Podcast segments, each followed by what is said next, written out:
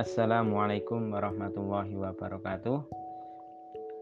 Innal hamdalillah nahmaduhu wa nasta'inuhu wa nastaghfiruh wa na'udzu billahi min sururi anfusina wa min sayyiati a'malina may yahdihillahu fala mudhillalah wa may yudlil fala hadiyalah.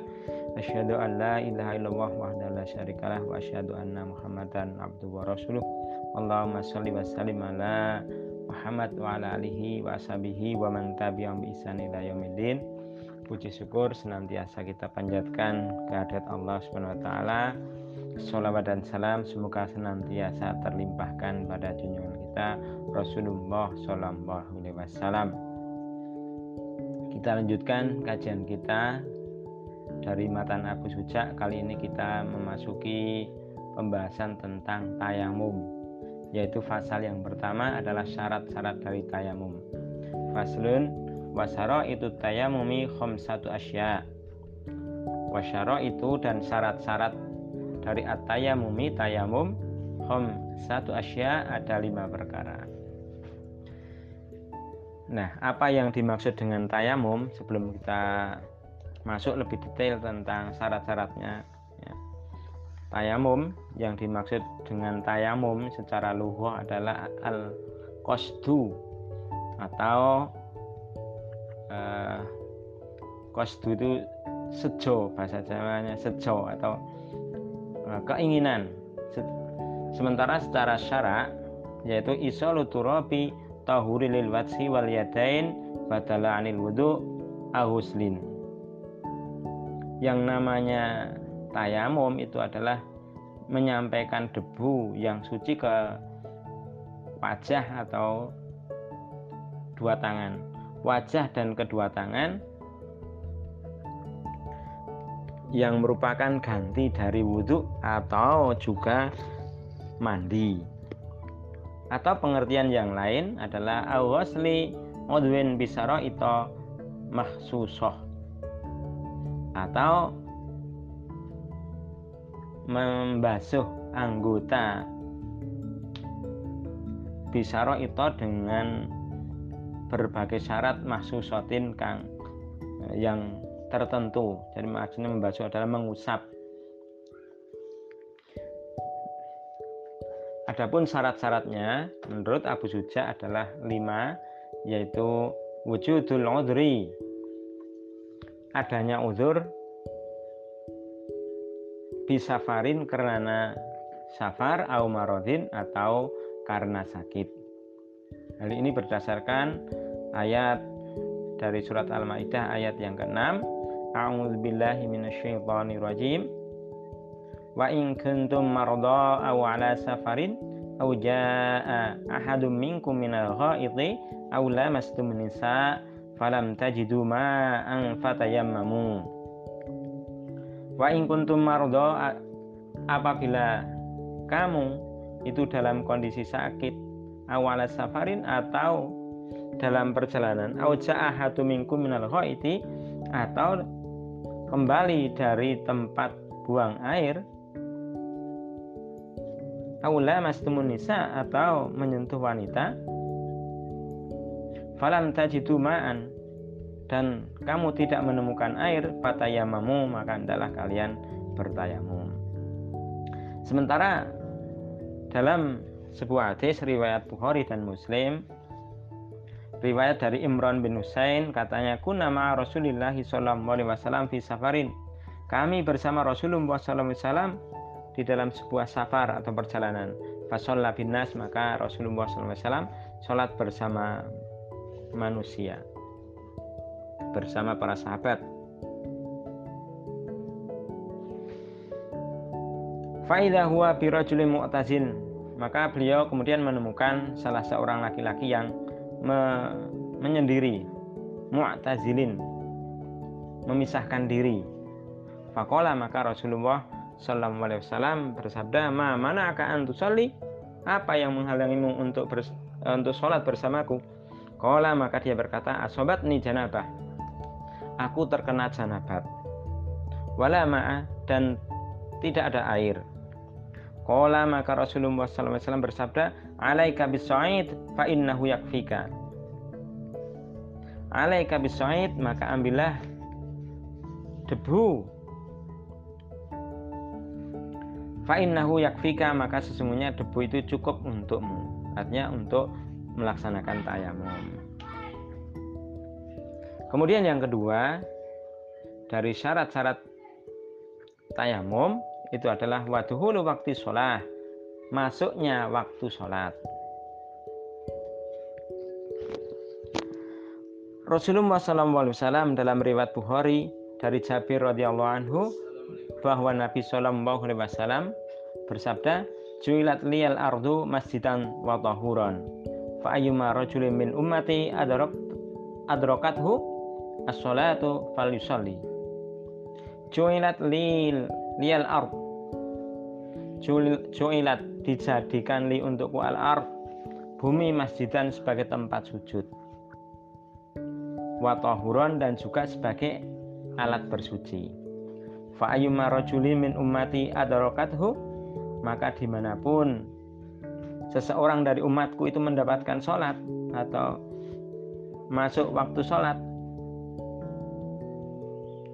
falusol falusol maka hendaklah dia sholat menurut riwayat Ahmad di mana saja sholat itu menemui aku, maka aku bertayamum dan sholat. Nah, kedua riwayat ini menunjukkan bahwa seseorang ya, bila tidak mendapatkan air, hendaklah ia bertayamum setelah masuk waktu sholat. Kemudian syarat selanjutnya, yaitu syarat yang ketiga setelah adanya uzur kemudian masuk waktu maka yang ketiga adalah tolabul ma yaitu setelah berikhtiar untuk mencari air. Setelah berikhtiar kemudian tidak menemukan kemudian dia e, bisa untuk melaksanakan tayamum. Wa ta'dzuru Selanjutnya adalah berhalangan wa ta'dzur adanya udzur istimalihi untuk menggunakan air tersebut. Adanya sesuatu yang menghalangi. Bisa jadi karena misalnya kesediaan air yang terbatas antara untuk konsumsi diminum atau atau wudhu atau adanya air tetapi tidak mungkin untuk didapatkannya. Misalnya ada hewan yang berbahaya ketika kita itu mau mengambil air sehingga kita tidak bisa mengambil air dan menggunakannya maka itu termasuk hal-hal yang udur.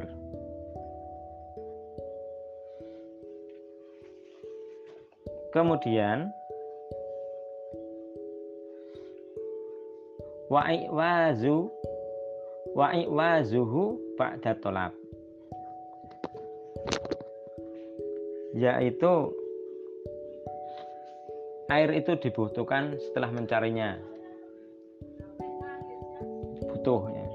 watura butoh hiru kemudian waturabu dan debu. Atau hiru suci. Hubarun. Ya. berdebu. Yaitu adanya debu. Tanah yang suci ya.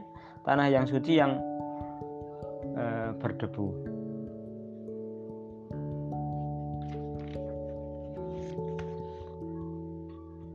Fa'in khalatahu maka jika bercampur dengan debu itu jasun kapur auramlun atau pasir lam yudzi maka tidak bisa digunakan untuk tayamum. Nah, itu adalah salah satu dari pendapat uh, Abu Suja bahwa debu manakala bercampur dengan pasir atau kapur gamping gitu maka tidak e, bisa digunakan untuk tayamum. Nah, ini berbeda dengan salah satu pendapat dari ulama madhab Syafi'i juga ya, Imam Nawawi Imam, Imam Nawawi dalam syarah muhadzab mentaskhihkan ya, di dalam uh, kitab syarah muhadzab itu juga di dalam Rodatul Talibin beliau mengatakan bahwa dibolehkannya eh, tayamum dengan tanah yang bercampur kapur atau bercampur dengan pasir.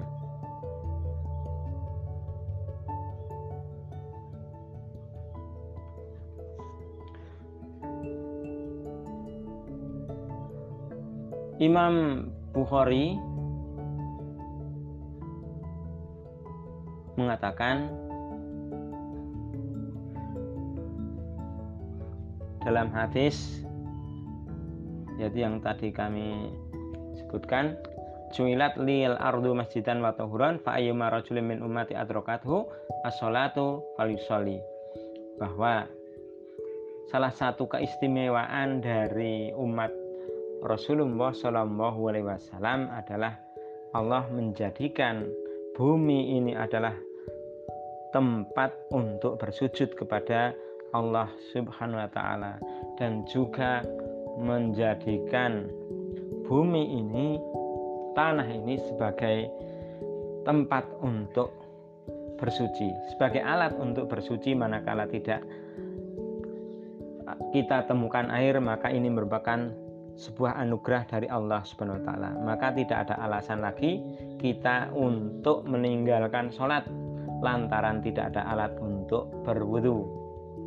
Tidak ada alasan lagi untuk meninggalkan sholat dengan alasan kesulitan mencari air karena kemudahan-kemudahan di dalam syariat Islam manakala sebuah kewajiban itu terhalang maka Allah memberikan keringanan keringanan kepada umatnya. Wallahu a'lam bishawab. Kurang lebihnya mohon maaf. Wassalamualaikum warahmatullahi wabarakatuh.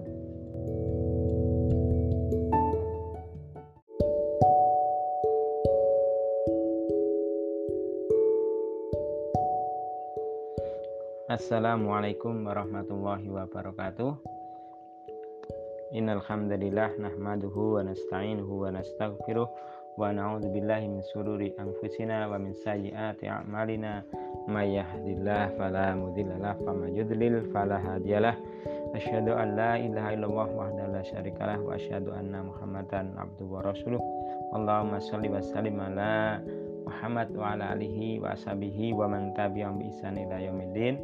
Puji syukur senantiasa kita panjatkan kehadirat Allah Subhanahu wa taala Salawat dan salam semoga senantiasa terlimpahkan pada junjungan kita Rasulullah Sallallahu Alaihi Wasallam.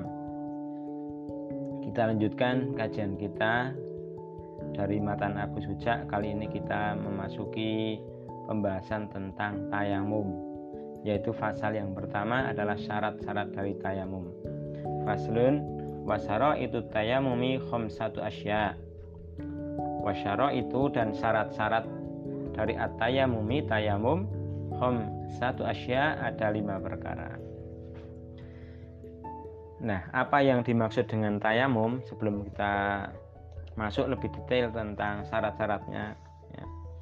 Tayamum yang dimaksud dengan tayamum secara luhur adalah al kosdu atau uh, kosdu itu sejo bahasa Jawanya sejo atau Eh, keinginan. Sementara secara syarak yaitu isolu turabi tahuri lil watsi wal yadain badala anil wudu ahuslin. Yang namanya tayamum itu adalah menyampaikan debu yang suci ke wajah atau dua tangan. Wajah dan kedua tangan yang merupakan ganti dari wudhu atau juga mandi. Atau pengertian yang lain adalah awasli udwin bisaro itu mahsusoh atau membasuh anggota bisaro itu dengan berbagai syarat mahsusotin kang yang tertentu. Jadi maksudnya membasuh adalah mengusap. Adapun syarat-syaratnya menurut Abu Suja adalah lima, yaitu wujudul udri, adanya uzur, bisafarin karena safar au marodin atau karena sakit. Hal ini berdasarkan ayat dari surat Al-Maidah ayat yang ke-6. A'udzubillahi minasyaitonirrajim. Wa in kuntum marda aw ala safarin aw jaa ahadum minkum minal ghaidhi aw lamastum nisa falam tajidu ma'an fatayammamu. Wa in kuntum marda apabila kamu itu dalam kondisi sakit awal safarin atau dalam perjalanan au ja'ahatu minkum minal atau kembali dari tempat buang air. Aula mastumun nisa atau menyentuh wanita. Falam tajidu ma'an. Dan kamu tidak menemukan air fatayamamu maka hendaklah kalian bertayamum. Sementara dalam sebuah hadis riwayat Bukhari dan Muslim riwayat dari Imran bin Husain katanya kunama Rasulullah sallallahu alaihi wasallam fi safarin. Kami bersama Rasulullah sallallahu alaihi wasallam di dalam sebuah safar atau perjalanan. Fasolla bin nas maka Rasulullah sallallahu alaihi wasallam salat bersama manusia bersama para sahabat.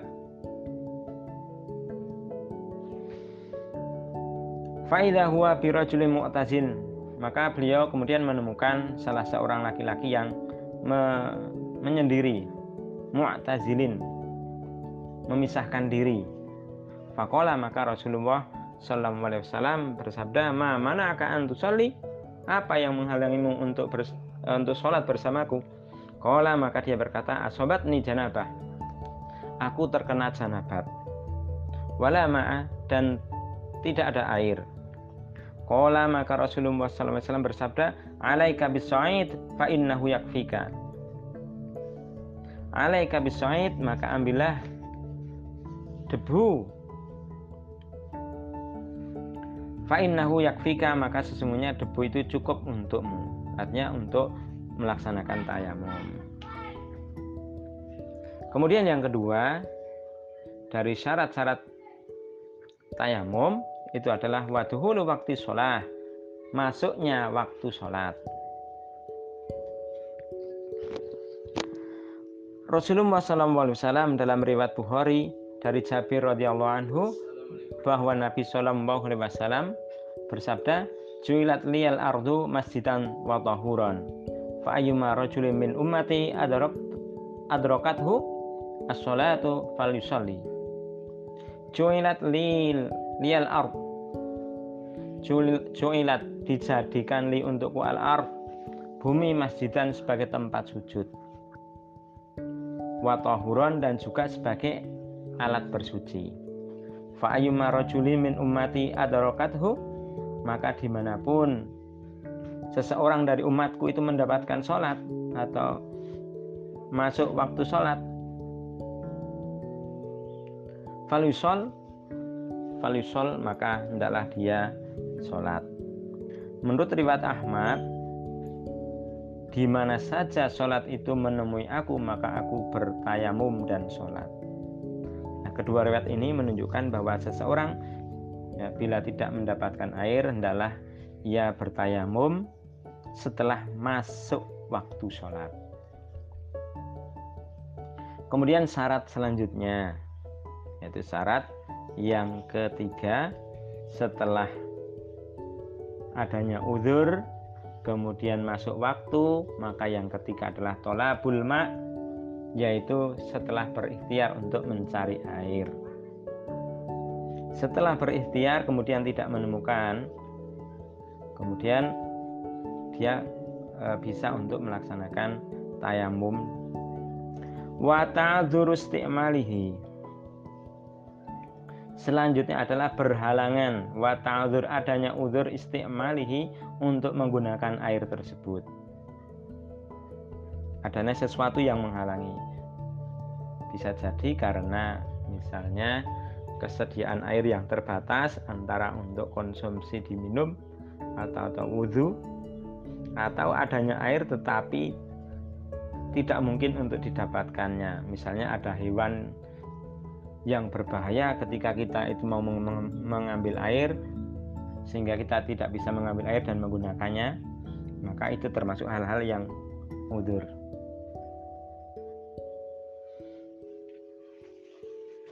Kemudian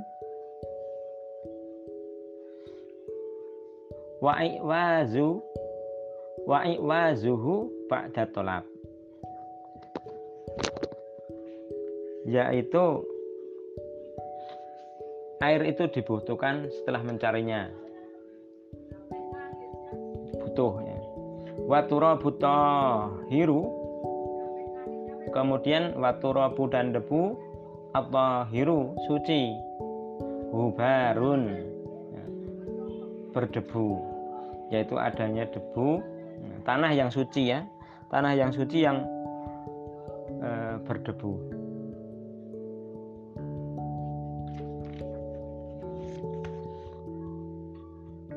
Fa'in khalatahu maka jika bercampur dengan debu itu jasun kapur auramlun atau pasir lam yudzi maka tidak bisa digunakan untuk tayamum. Nah, itu adalah salah satu dari pendapat e, Abu Suja bahwa debu manakala bercampur dengan pasir atau kapur gamping gitu maka tidak e, bisa digunakan untuk tayamum. Nah, ini berbeda dengan salah satu pendapat dari ulama madhab syafi'i juga ya, Imam Nawawi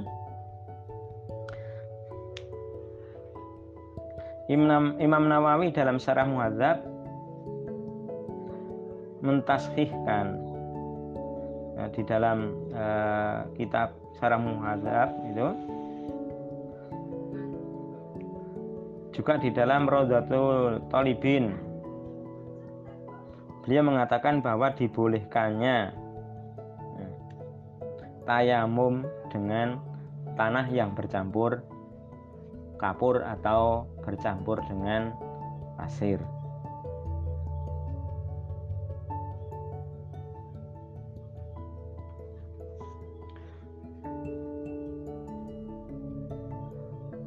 Imam Bukhari mengatakan dalam hadis yaitu yang tadi kami sebutkan Juilat lil ardu masjidan wa tahuran fa ayyuma rajulin min ummati adrokathu as-salatu falyusalli. Bahwa salah satu keistimewaan dari umat Rasulullah Shallallahu Alaihi Wasallam adalah Allah menjadikan bumi ini adalah tempat untuk bersujud kepada Allah Subhanahu wa taala dan juga menjadikan bumi ini tanah ini sebagai tempat untuk bersuci, sebagai alat untuk bersuci manakala tidak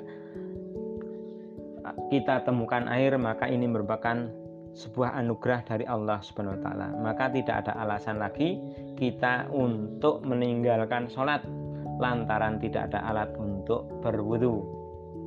Tidak ada alasan lagi untuk meninggalkan sholat dengan alasan kesulitan mencari air karena kemudahan-kemudahan di dalam syariat Islam manakala sebuah kewajiban itu terhalang maka Allah memberikan keringanan-keringanan kepada umatnya. Wallahu biswab kurang lebihnya mohon maaf. Assalamualaikum warahmatullahi wabarakatuh.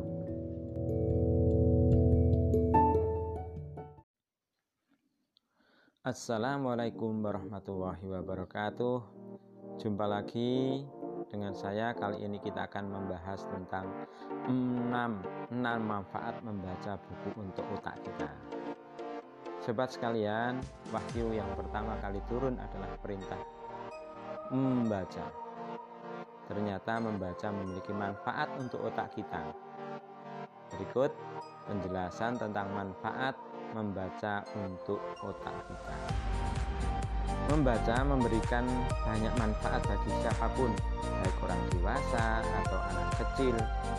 Ada berbagai manfaat yang bisa dirasakan dengan gemar, gemar membaca, seperti sebagai sarana hiburan, menambah kemampuan seseorang, hingga menambah aspek pengetahuan. Membaca buku menjadi salah satu kebiasaan yang positif dan bisa dilakukan kapan saja.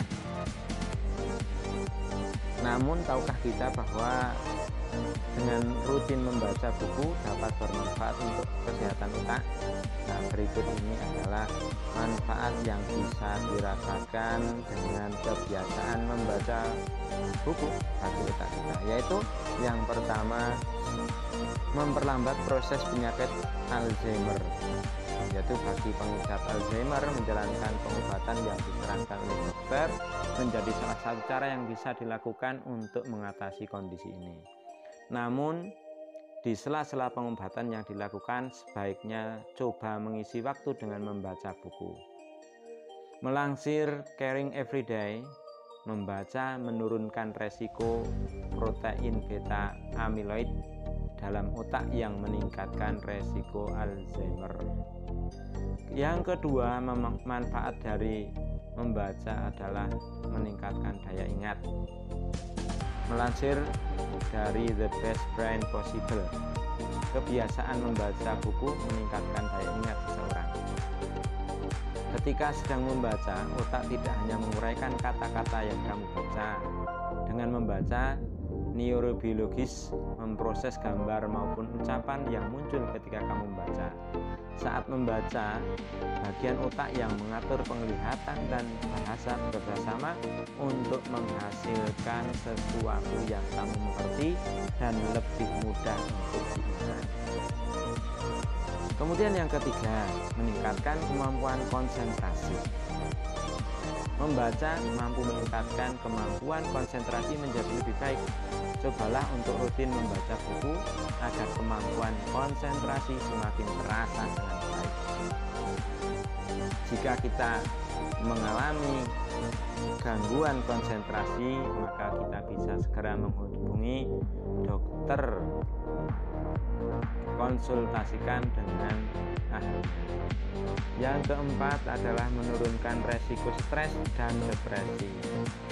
Faktor lingkungan, situasi, serta kesehatan meningkatkan resiko stres maupun depresi pada seseorang. Ada berbagai cara yang bisa dilakukan untuk mengatasi kondisi ini, salah satunya dengan membaca buku. Melansir HuffPost, membaca buku dapat digunakan dengan lebih efektif untuk menurunkan stres dibandingkan berjalan kaki maupun mendengarkan lagu. Jadi tidak ada salahnya membiasakan diri untuk belajar mencintai kegiatan membaca agar kesehatan mental tetap terjaga dengan baik. Yang kelima, hiburan murah. Tidak ada salahnya sesekali mengunjungi perpustakaan. Tentunya pada perpustakaan, kamu menemukan berbagai macam jenis buku yang ingin dibaca, mulai dari cerita fiksi, novel, hingga buku dengan cerita yang menarik. Kemudian yang terakhir, yang keenam adalah meningkatkan kemampuan komunikasi. Ingin meningkatkan kemampuan komunikasi dengan lebih baik? Jangan lupa untuk membaca setiap harinya memiliki kebiasaan membaca buku meningkatkan kemampuan komunikasi dalam otak. Nah, selain itu, penambahan kosakata menjadi cara yang baik untuk meningkatkan kemampuan berkomunikasi dalam keseharian. Nah, itulah enam manfaat membaca bagi otak kita yang akan uh, bermanfaat sekali bagi kita. Ya, dilansir dari halodoc.com. Terima kasih. Semoga bermanfaat. Wassalamualaikum warahmatullahi wabarakatuh.